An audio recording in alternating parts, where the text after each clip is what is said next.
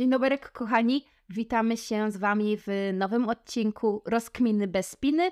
I dzisiaj witają się z Wami Zuza, Maria, Beata. i Laura.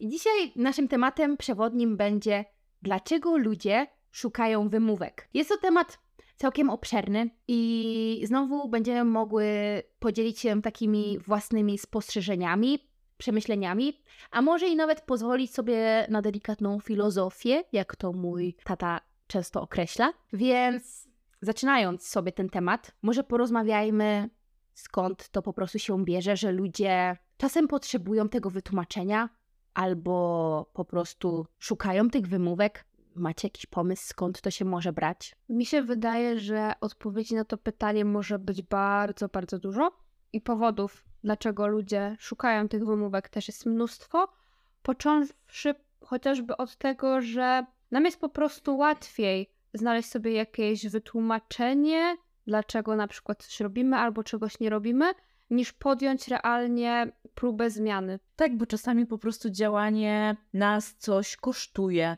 Naszą energię, nasze zaangażowanie i nie chcemy jakby, z jednej strony chcemy tej zmiany, ale z drugiej właśnie nie chcemy ponosić kosztów tego działania, więc znajdujemy wymówkę. Ja tak myślę, że mm, pójdę trochę w inną stronę, że ludzie potrzebują tych wymówek, żeby nie powiedzieć sobie, że oni nie chcą czegoś zrobić, tak sobie myślę, że e, no nie tyle, że im się nie chce, tylko oni faktycznie po prostu nie mają na to ochoty, a czują wewnętrznie, że muszą się przed sobą też wytłumaczyć z tego, więc mamy brak czasu, e, brak pieniędzy, brak, nie wiem, umiejętności, czegokolwiek. No, Fajnie nadmieniłaś ten temat, bo ja bym poszła nawet w to, że nie zawsze my chcemy usprawiedliwić się dla siebie, ale używamy tych wymówek, żeby usprawiedliwić się na zewnątrz, Mhm. czyli do kogoś, do otoczenia, do rodziców. I właśnie, czy to nie jest tak, że my wewnętrznie boimy się, nie chcemy mówić, nie chce mi się tego zrobić,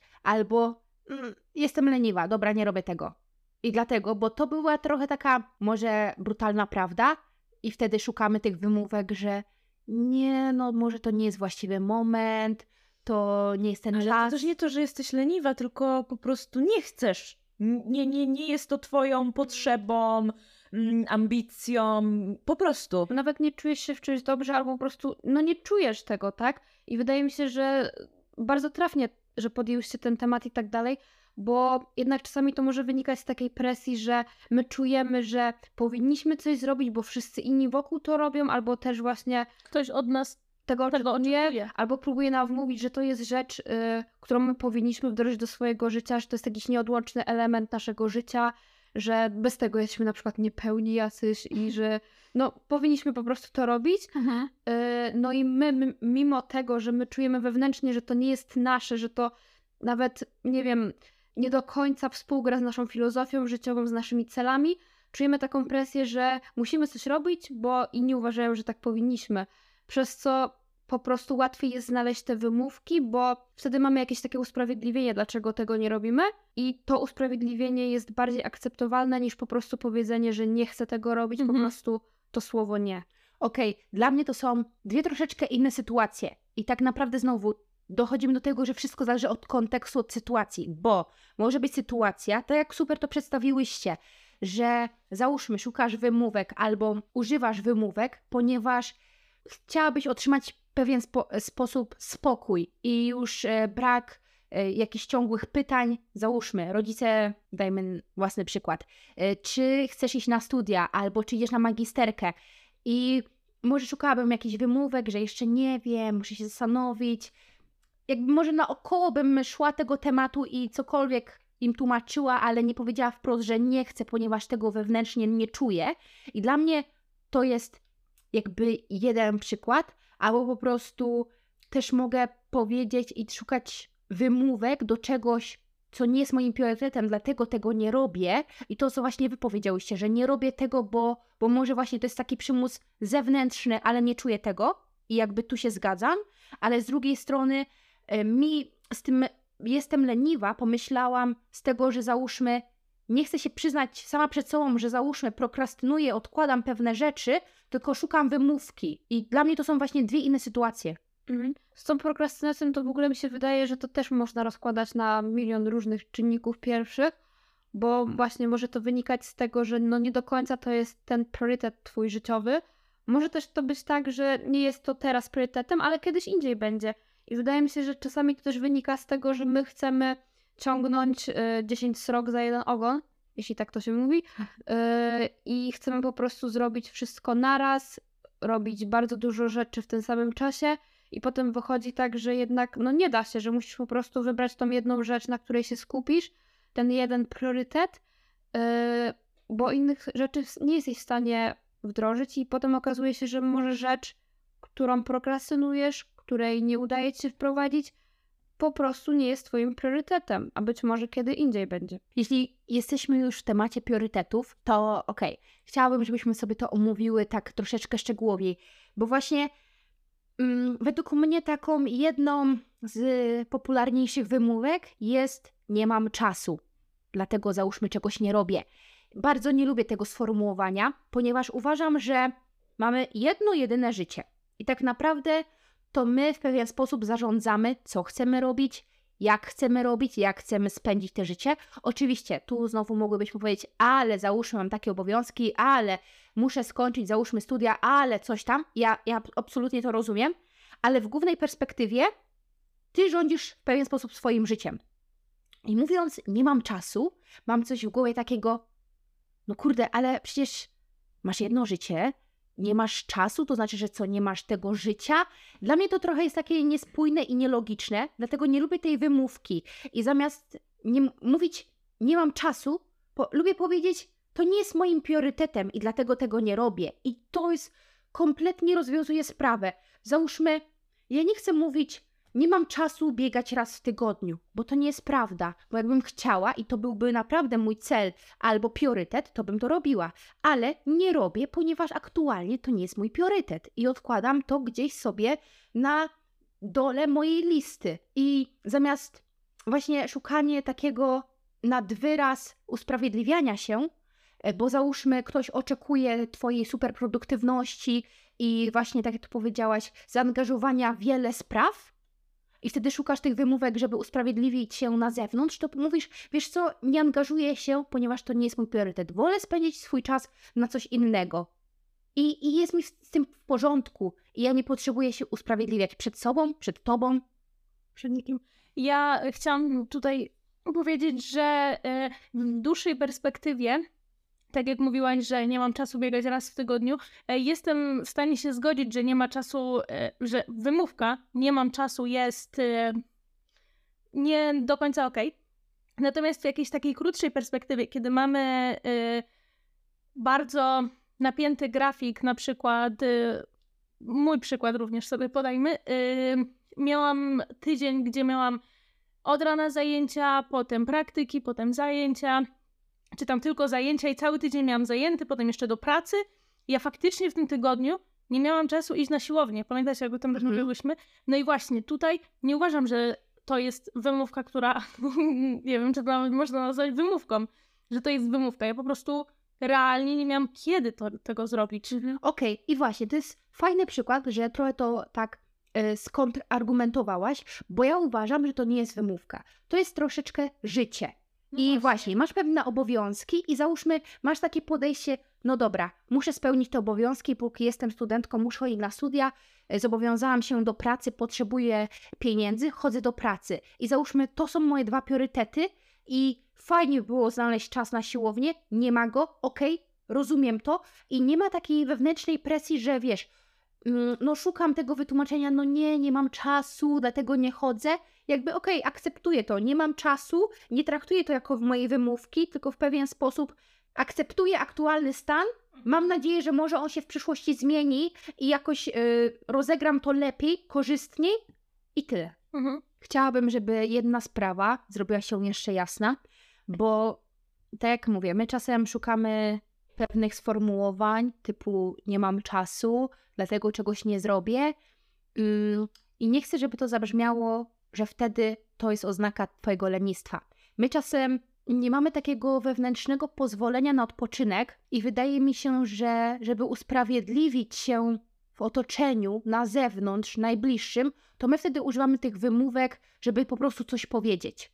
A, po, a czy nie prościej byłoby po prostu zamiast troszeczkę zmniejszyć swoją ilość obowiązków, y, zmniejszyć troszeczkę wewnętrzną presję na hiperproduktywność, to najzwyczajniej w świecie zaplanować sobie odpoczynek bez wyrzutów sumienia, bez poczucia winy i bez szukania wewnętrznych wymówek, że załóżmy, Żeby właśnie nie, nie usprawiedliwiać się przed nikim i przed samym sobą, że musisz odpocząć, bo odpoczynek też jest naturalną, potrzebną nam rzeczą. Mhm. tak dokładnie. Myślę też, że jakby kluczowe jest to, żeby uznać odpoczynek jako za produktywną rzecz, która jest potrzebna do tego, żebyś ty mogła funkcjonować w ogóle w ciągu dnia. Tak, wydaje mi się, że już o tym wspominałyśmy, ale zawsze warto powtórzyć mm, ważne informacje, ponieważ tak naprawdę odpoczynek jest jedną z kluczowych procesów. I bez odpoczynku daleko nie zajedziemy. I powinniśmy potrafić sobie wygospodarować ten czas i uwzględnić gdzieś w naszych celach, założeniach i planach. To taka szybka myśl. Bardzo podoba mi się, że w ogóle poruszyłaś ten temat odpoczynku, bo kiedy mówimy o wymówkach, to nasuwa się coś takiego, że okej, powinnam może właśnie, nie wiem, wstawać o trzeciej rano, żeby ze wszystkim zdążyć i jakby zapomnieć o tym, że sen jest kluczową kwestią, jeżeli chodzi o zdrowie, o produktywność, w ogóle o efektywność naszych działań. E, Jeśli chodzi w ogóle o sformułowanie, też nie mam czasu, też nie jestem jego fanką i wydaje mi się, że no jakby ludzie też go używają, bo rzeczywiście jest to jakaś taka akceptowalna, też powszechna wymówka, bo trudniej nam czasami też powiedzieć, że po prostu nie mam na coś obecnie w życiu przestrzeni. Ja na przykład lubię to sformułowanie, bo to oddaje trochę więcej, y, po prostu trochę więcej mówi o tym, w jakim momencie jesteśmy w życiu i właśnie to, że na przykład ty podałaś swój przykład, że masz teraz pracę, masz praktyki i ten tydzień był taki intensywny pod tym względem. Ogólnie chodzisz na siłownię, ale wtedy nie miałaś na to po prostu przestrzeni. I czasu też wtedy nie miałaś, nie? Ale no po prostu zdarzają się takie sytuacje życiowe, że nawet czasami nie o ten sam stricte czas chodzi, bo teoretycznie mogłabyś poświęcić ten sen. Ale czy ty masz przestrzeń na to, żeby być niewyspaną i potem y, nie funkcjonować w ciągu dnia? No nie. No właśnie. I, I chyba każdy z nas powinien dojść do takiego wniosku, że no jednak priorytetowy powinien być ten odpoczynek, żeby w ogóle potem móc zabrać się za inne działania. Ja troszeczkę inaczej podchodzę do wymówki nie mam czasu, ponieważ uważam, że gdyby nie to, że, była, że jest ona tak bardzo nadużywana, to ona naprawdę jest prawdziwa. Że tak jak Guza podała swój przykład, tak ja też mam wiele takich sytuacji w życiu, że nie mam realnie na coś czasu, bo musiałabym wstać o trzeciej nocy, żeby to zrobić, ale przez to, że ona jest właśnie tak na- nadużywana w sytuacjach, gdzie ten czas jest, ale nie ma ochoty, potrzeby, czegoś innego, to dlatego tak nie lubię jej, bo nigdy nie wiadomo, co za tą wymówką się kryje. Czy rzeczywiście tak jest, czy nie do końca. Mhm. W sensie, jak zaczęłam tam mówić, to rzeczywiście przyszło mi do głowy, że potem trudno jest rozdzielić, czy na, przykład- na przykład ktoś mówi, że nie ma czasu, bo na przykład e, woli sobie pooglądać serial niż e, załóżmy wyjść na spacer czy iść na siłownię, a co innego w przypadku, kiedy na przykład ktoś idzie do lekarza i przedłużyła mu się kolejka i na przykład realnie nie ma czasu, żeby na przykład przed pracą ugotować obiad?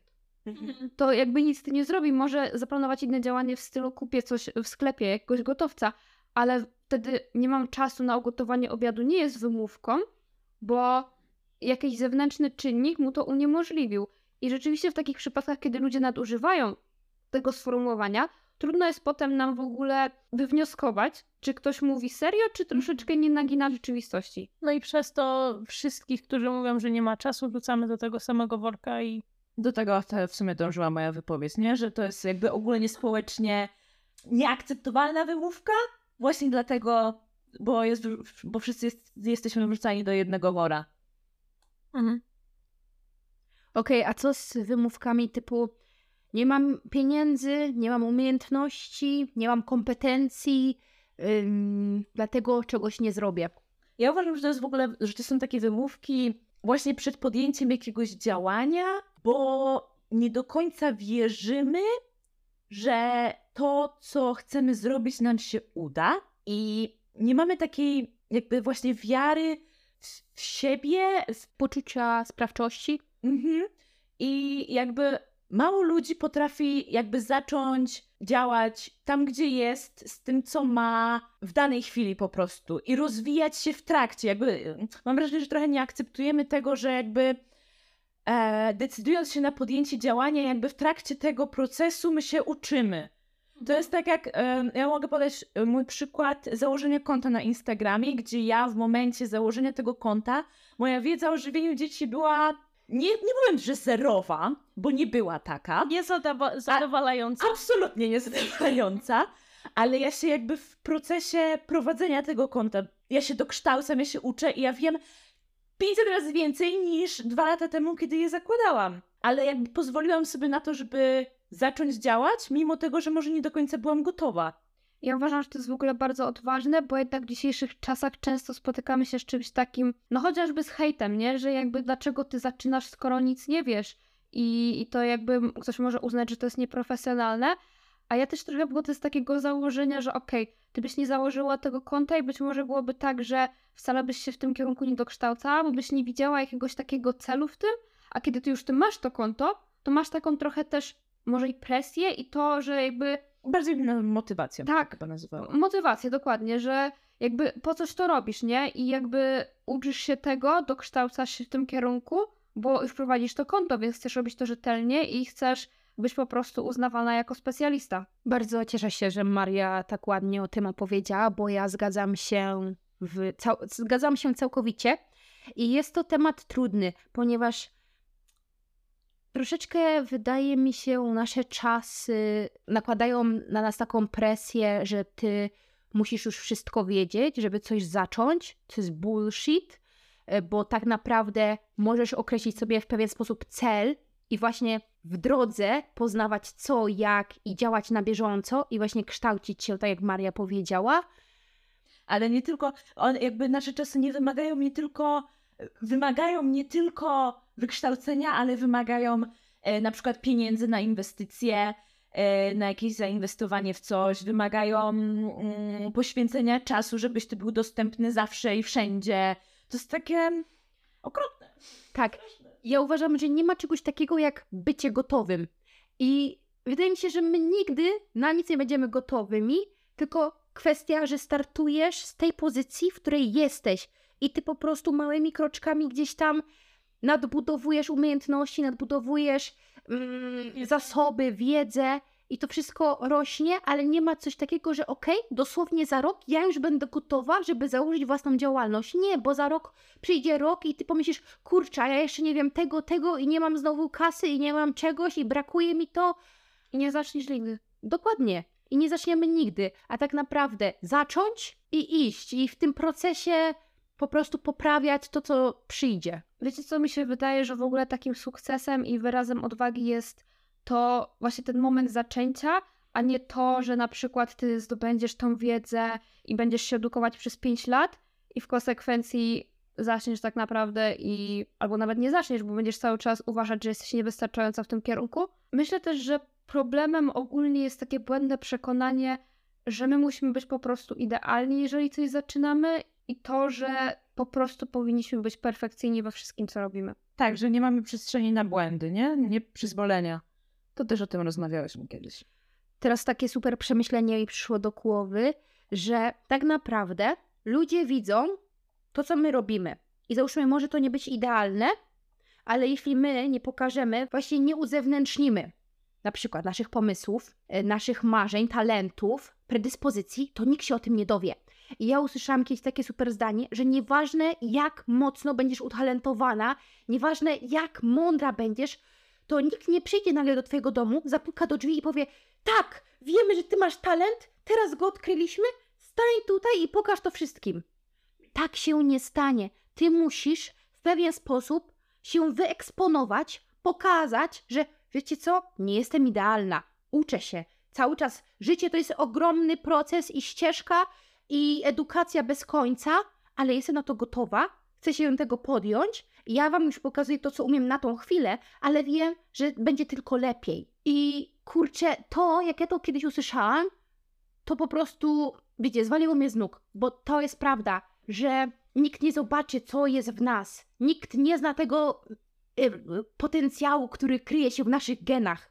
Póki ty tego nie pokażesz, albo nawet póki ty nie sam nie włożysz się w takie sytuacje, pewne może stresowe, nowe, niekomfortowe, i ty nie sprawisz, że będziesz musiała w pewien sposób wyjść z tej sytuacji, rozwiązać tą sytuację, to ty sama nie poznasz tego potencjału, który jest w tobie. To mnie po prostu rozwala, jak o tym myślę.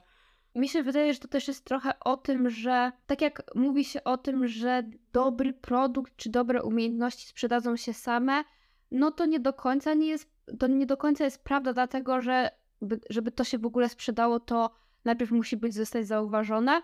I myślę, że w przypadku potencjału to dużo zależy, bo no jakby to nie chodzi też o to, o, w tym wszystkim, że my powinniśmy być dopiero dumni z siebie i czuć się wystarczający, kiedy mamy tą aprobatę z zewnątrz, ale w takiej sytuacji, kiedy na przykład y, chcemy u kogoś pracować albo chcemy po prostu zarabiać na czymś, to nie oczekujmy, że jeżeli nawet jesteśmy świetnymi specjalistami, to po prostu czekając w domu, aż ktoś nas zauważy, to nasze marzenia o idealnej, wymarzonej pracy się spełnią, bo my musimy po prostu podjąć jakieś, kierun- jakieś kroki w tym kierunku. Znając kulturę taneczną z różnych krajów, powiem Wam, że często słyszymy my jako Polacy, że, że my nie, mam, nie, nie umiemy się chwalić, bo w naszej kulturze chwalenie się jest równoznaczne z czymś negatywnym, że ty się obnosisz, tak, a bardzo dużo kultur innych krajów nie ma takiej bariery, nie jest, to chwalenie się jakby nie jest tak negatywnie odbierane i oni mają większą swobodę. Nie boją się właśnie pokazywać, czy na Instagramie, czy po prostu gdzieś na żywo swoich umiejętności, tego, co udało im się osiągnąć, zrobić. To jest niestety u nas takie. Tak, bo to jest przykre, mm, że my czasem boimy się zakomunikować jakąś dobrą nowinę, ponieważ boimy się, że ta druga strona pomyśli, że może chwalimy się, że tak chcemy się wywyższyć. I potem mamy takie, dobra, to może w ogóle nie będę mówiła o swoich sukcesach, bo nie chcę być źle odebrana. Zamiast tak szerzyć... To znowu jest taka wymówka, nie? Przed chwaleniem się. Myślę, że niektórzy mają ogólnie problem z tym, że jak słyszą, że ktoś się chwali, to w jakiś sposób godzi to w nich samych, bo jakby chwalenie się jest super, chwalenie się jest spoko, ale ludzie to mylą po prostu z takim przechwalaniem się. Z takim chełpieniem. Tak, chełpieniem się i jakby porównują to do tego, że jeżeli ktoś się chwali, to uważa, że jest lepszy od osoby, która tych pochwałek, pochwał yy, wysługuje, a to nie o to chodzi, bo jakby mówimy o sobie po prostu i uważam, że to jest super znać swoje mocne strony i doceniać swoje umiejętności, bo uważam, że ogólnie robimy to zbyt rzadko, jako polskie społeczeństwo przynajmniej. Taką jeszcze inną wymówką, która przychodzi mi do głowy, jest to, że coś jest niemożliwe do zrobienia. I co o tym sądzicie? Ja powiem, Akceptowalna wymówka?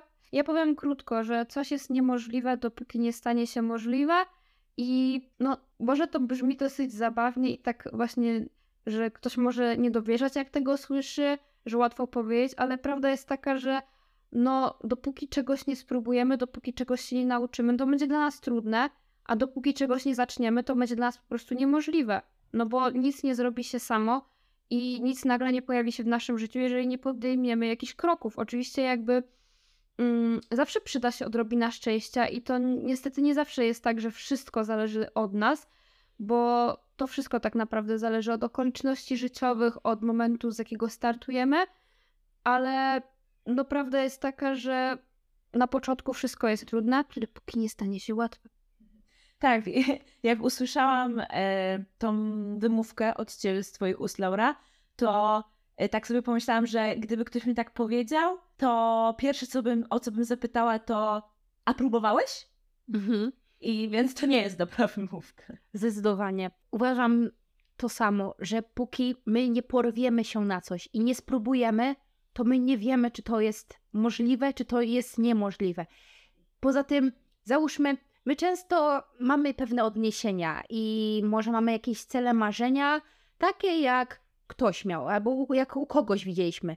To teraz z takiej perspektywy, skoro ktoś może, skoro ktoś mógł tego dokonać, to czemu nie ja? No dlaczego nie ja? Więc wymówka nieakceptowalna. Pozostając w temacie wymówek, kolejnym aspektem, który pojawił się w mojej głowie, to troszeczkę już omówiony brak zdecydowania. Czy to czasem Nie jest sabotowanie naszych działań? bardzo ładnie określone, że tak naprawdę szukamy wymówki, bo nie jesteśmy zdecydowani i sami nie wiemy, co chcemy zrobić? Albo boimy się tego, co będzie, jak już nam wyjdzie. Tak też. Też już rozmawiałyśmy tego, że boimy się po prostu nowej sytuacji. Tak, myślę, że wymówki mogą mm, pojawiać się właśnie wtedy, kiedy boimy się, że coś nam wyjdzie, albo po prostu nie przemyśleliśmy jeszcze danego tematu, nie podjęliśmy decyzji, a ktoś wywiera na nas jakąś presję, albo sami wywieramy na sobie presję, że już powinniśmy wiedzieć, znać odpowiedź. Okej, a co z dyscypliną? Dyscyplina, a wymówki. Taka self-discipline. Ja co do dyscypliny mam trochę różne podejście, bo ostatnio oglądałam, em, znaczy ostatnio oglądam dużo dziewczyn, które biorą udział w Bikini Fitness i też chwilkę słuchałam takiego wywiadu z jedną dziewczyną. No i ona właśnie tam mówiła, mówiła że jakby e, wzięcie udziału w tych zawodach bierze się, znaczy wiąże się z bardzo dużą dyscypliną. No i to już jest mm, na tym poziomie, że jakby całe życie jest dostosowane pod mm, trening, pod dietę, ty nie możesz mieć żadnych odstępstw. Wszystko musi być tak, jak powinno być. Pełna dyscyplina, pełny rygor, ja bym to tak nazwała. No i właśnie tu ta dyscyplina mi się trochę nie podoba. Więc wydaje mi się, że to zależy, kurczę, znowu od, od tego, jak leży, dokładnie. Bo biorąc pod uwagę tą dyscyplinę, którą, o której przed chwilą wspomniałam, no to, to tam nie ma wymówek moim zdaniem. Tam jesteś tak zdyscyplinowana, że robisz wszystko tak, jak ma być, bez żadnych wymówek, bez żadnego ale. Ale uważam, że można być zdyscyplinowanym, mając jednocześnie czasami jakieś wymówki. Wiesz co, mi się wydaje, że... Bo jakby jak ktoś coś zaczyna, to od razu nie ma tej dyscypliny, nie? Tylko musi tak się wdrożyć, trochę wymaga to takiego nawykowego wykonywania jakichś działań i na początku ta dyscyplina jest mega potrzebna, żebyś ty... Właśnie, żeby zbudować w ogóle, może nie dyscyplina, tylko Dyscyplina, żeby zbudować nawyk. Może być tak. Mhm. To No, okej, w sumie tak. Ale wydaje mi się, że właśnie jak ktoś już ma zbudowany ten nawyk, to rzadko się pojawiają takie typowe wymówki, że mi się coś nie chce, tylko wtedy z reguły to wynika z tego, że rzeczywiście może jesteś przemęczona, nie masz zasobów, żeby coś zrobić, wtedy warto coś odpuścić, bo i tak wiesz, że to, że tego da- danego dnia coś odpuścisz, to nie spowoduje, że już w ogóle wszystko rzucisz, Mhm. tylko kolejnego dnia zaczniesz po prostu od nowa, nie? I Ale to są takie cienkie granice, nie? tak, często czasami e, trudno jest nam odróżnić wymówkę od e, realnej potrzeby odpoczynku czy odpuszczenia jakiejś rzeczy, nie? Mhm. I wtedy warto się po prostu zastanowić, czy ja mam teraz siłę na to, czy, czy to wynika z tego, że jestem zmęczona, czy to wynika z tego, że po prostu mi się nie chce. No właśnie ja trochę od innej strony bym odpowiedziała na to pytanie, bo ja bym powiedziała, że dyscyplina jest wtedy, kiedy ty robisz coś, mimo tego, że w twojej głowie pojawiają się wymówki. Więc tak w sumie de facto rzecz biorąc, uważam, że w dyscyplinie nie ma miejsca na wymówki. Ale no właśnie, tu jest ta cienka granica, o której właśnie powiedziała Beata, czy to jest wymówka, bo mi się nie chce, bo, bo, bo jestem, bo po prostu mi się nie chce, czy to jest wymówka dlatego, że ja potrzebuję odpoczynku, nie? To jest jakby, to są dwie różne rzeczy, ale w dyscyplinie jako takiej u mnie, w moim postrzeganiu nie ma miejsca na wymówki, bo mi się nie chce, bo dyscyplina jest wtedy, kiedy ty nie słuchasz. One mogą się pojawiać, jasne, tylko czy ty e, ich posłuchasz, nie? W dyscyplinie jest miejsce na jakieś odstępstwa według ciebie? No to, to jest ta cienka granica. Mhm. Bo jeżeli ty jesteś zmęczona, to tak. Jeżeli realnie nie masz czasu, nie masz siły, to tak.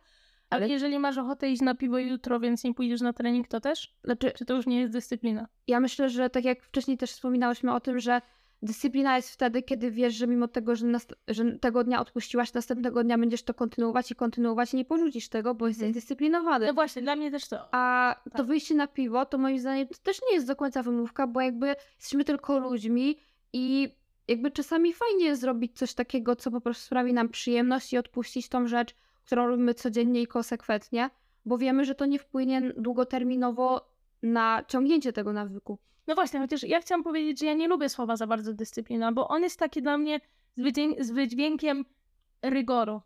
Ja wręcz przeciwnie. Ja lubię słowo dyscyplina I tutaj bym powiedziała znowu, to zależy. Odwołując się do tego przykładu z tym piwem, Mhm. bo to zależy znowu od osoby, czy osoba rekreacyjnie ćwiczy i rzeczywiście zachowa ten balans życiowy, uspołecznić się i jak najbardziej za, czy stawiając sobie taką sytuację, że jest zawodnik sportowy, załóżmy jest już po mega wykańczającym procesie mm, redukcyjnym, za chwilę ma wychodzić na scenę i dosłownie jest półmetek i naprawdę jest ciężko, ale e, wie, że załóżmy jakby po co to robi i ma ten cel i załóżmy za tydzień mają być zawody, a on gdzieś tam kończy te swoje, wiecie, e, blok treningowy i to jest takie pytanie, czy poświęcić się procesowi i jestem zdyscyplinowany, czy gdzieś troszeczkę odpuścić i załóżmy wyjść na to piwo, załóżmy na które nie powinien.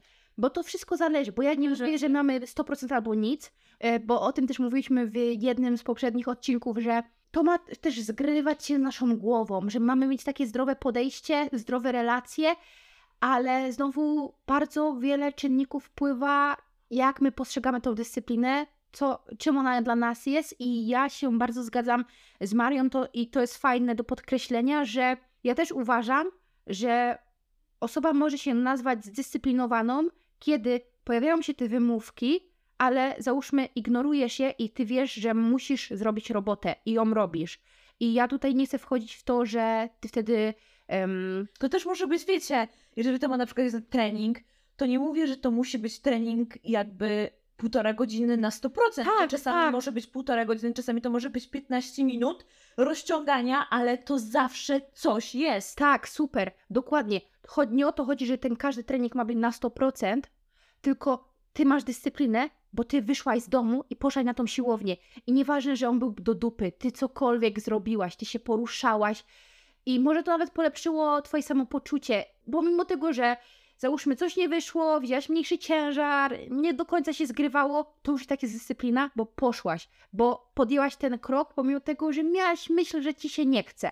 Wiecie, co mi się wydaje, że to się mocno sprowadza też do tego, żeby po prostu się też nie porównywać do innych, bo tak jak ty wspomniałaś, ten przykład z wyjściem na scenę, z treningami, y, ze sportowcami, tak naprawdę są bardzo specyficzne sytuacje i trudno nam to porównywać do osoby, która rekreacyjnie trenuje, więc to są zupełnie inne przypadki i nie możemy się porównywać do tego, że ktoś, kto trenuje mega tak, wiecie, zawodowo i który ma jakieś konkretne cele, które musi spełnić w jakimś określonym czasie swojego życia, to nie jest tak, że ty tak samo nie możesz wyjść na to piwo, bo, bo nie będziesz taki jak on, no bo nie będziesz taki jak on, bo macie inne cele, macie inne sytuacje i to się zupełnie różni. To są dwie różne dyscypliny, a jeszcze chciałam powiedzieć, w sensie y, każda ma zupełnie inną dyscyplinę z tych przypadków, co powiedziałaś. E, Ja chciałam jeszcze tylko dodać, tak na marginesie od ciebie, że nie promuję picia piwa. Ja promuję piwo zero bezalkoholowe. Ja nie powiedziałam, jakie piję. Ja wiem, ja tylko chciałam to sprostować, że nie zachęcam do picia alkoholu. Takie zdanie, które potrzebuję wyrazić odnośnie dyscypliny, bo troszeczkę odwołałyśmy się do odpoczynku i właśnie, żebyśmy nie szukali pewnych wymówek, żeby dać sobie pozwolenie na odpoczynek, tylko zrozummy jedną ważną rzecz, że, którą ja też staram się kierować i naprawdę ona w moim życiu działa, że tak ciężko jak pracujesz, tak ciężko odpoczywaj i miej na to pozwolenie. Tak, bo my żyjemy w takiej kulturze, która nam mówi i sami sobie też próbujemy to wmawiać, że żeby odpoczywać, to powinniśmy na ten odpoczynek zasłużyć, że na początku musimy się zaharować, po prostu zajechać totalnie, żeby w ogóle móc sobie pozwolić na to, żeby się wyspać, żeby odpocząć, żeby po prostu czasami nic nie robić. A ja wodę z takiego założenia, że najpierw odpocznij, żeby dopiero potem cokolwiek robić, bo jeżeli ty będziesz zmęczony i będziesz się podejmował nawet rzeczy, na których ci zależy, to może być tak, że bardzo szybko się wypalisz, albo te rzeczy po prostu nie będą ci wychodzić, bo zaniedbasz po prostu podstawy. Tak. Wydaje mi się, że będziemy tak pomału przechodzić do podsumowania i kończyć nasz wątek odnośnie wymówek. Moim zdaniem bardzo fajnie i rzetelnie omówiłyśmy sobie ten wątek, więc uważam, że powinniśmy rozważnie podchodzić do wymówek i zastanawiać się, czy tak naprawdę są one potrzebne i czy nie warto zastąpić je innymi sformułowaniami, innym troszeczkę podejściem do pewnych aspektów, dać sobie na pewne rzeczy pozwolenie, spriorytetować swoje cele, rzeczy, podejście do życia. No, żeby zamiast po prostu tych wymówek stawiać sprawy jasno, mówić szczerze o tym, że czegoś się nie chce robić, mówić szczerze o tym, że coś nie jest dla nas ważne, a coś innego jest. Ja bym to jeszcze tak podsumowała, że wymówki warto zastąpić właśnie szczerością, taką też szczerością wobec samego siebie, yy, umiejętnością stawiania tych granic, również wobec siebie i też większą uważnością na to, bo jak w ogóle właśnie rozpoznać wymówkę od potrzeby odpoczynku? Ja uważam, że taką podstawą jest w ogóle znajomość samego siebie, tego, w jakich sytuacjach my potrzebujemy odpocząć, a w jakich sytuacjach pojawia się w nas taki impuls, że okej, okay, chyba mi się nie chce coś robić, nie wiem, oglądałabym serial teraz, tak? Więc potrzebujemy po prostu kontaktu ze samym sobą, takiej uważności na samego siebie, żeby rozpoznać te dwie rzeczy i je rozróżnić. Tak, potrzebujemy taki, um, usłyszałam kiedyś sformułowanie, kontakt z bazą, że tak, bardzo fajne i wydaje mi się, że bardzo trafne i fajne do podsumowania. Miejmy ten kontakt z bazą i odbierajmy sygnały. I takim akcentem wydaje mi się, że możemy skończyć dzisiejszy odcinek. I zapraszamy Was serdecznie zarówno na naszego Instagrama, jak i naszego TikToka, na którego wrzucamy takie zajawki trochę podcastowe, ale też naszą codzienność, to co jemy w ciągu dnia. Więc jeśli szukacie jakiejś inspiracji na posiłki, to możecie tam śmiało zaglądać. I myślę, że słyszymy się już za tydzień. Do usłyszenia. pa! pa.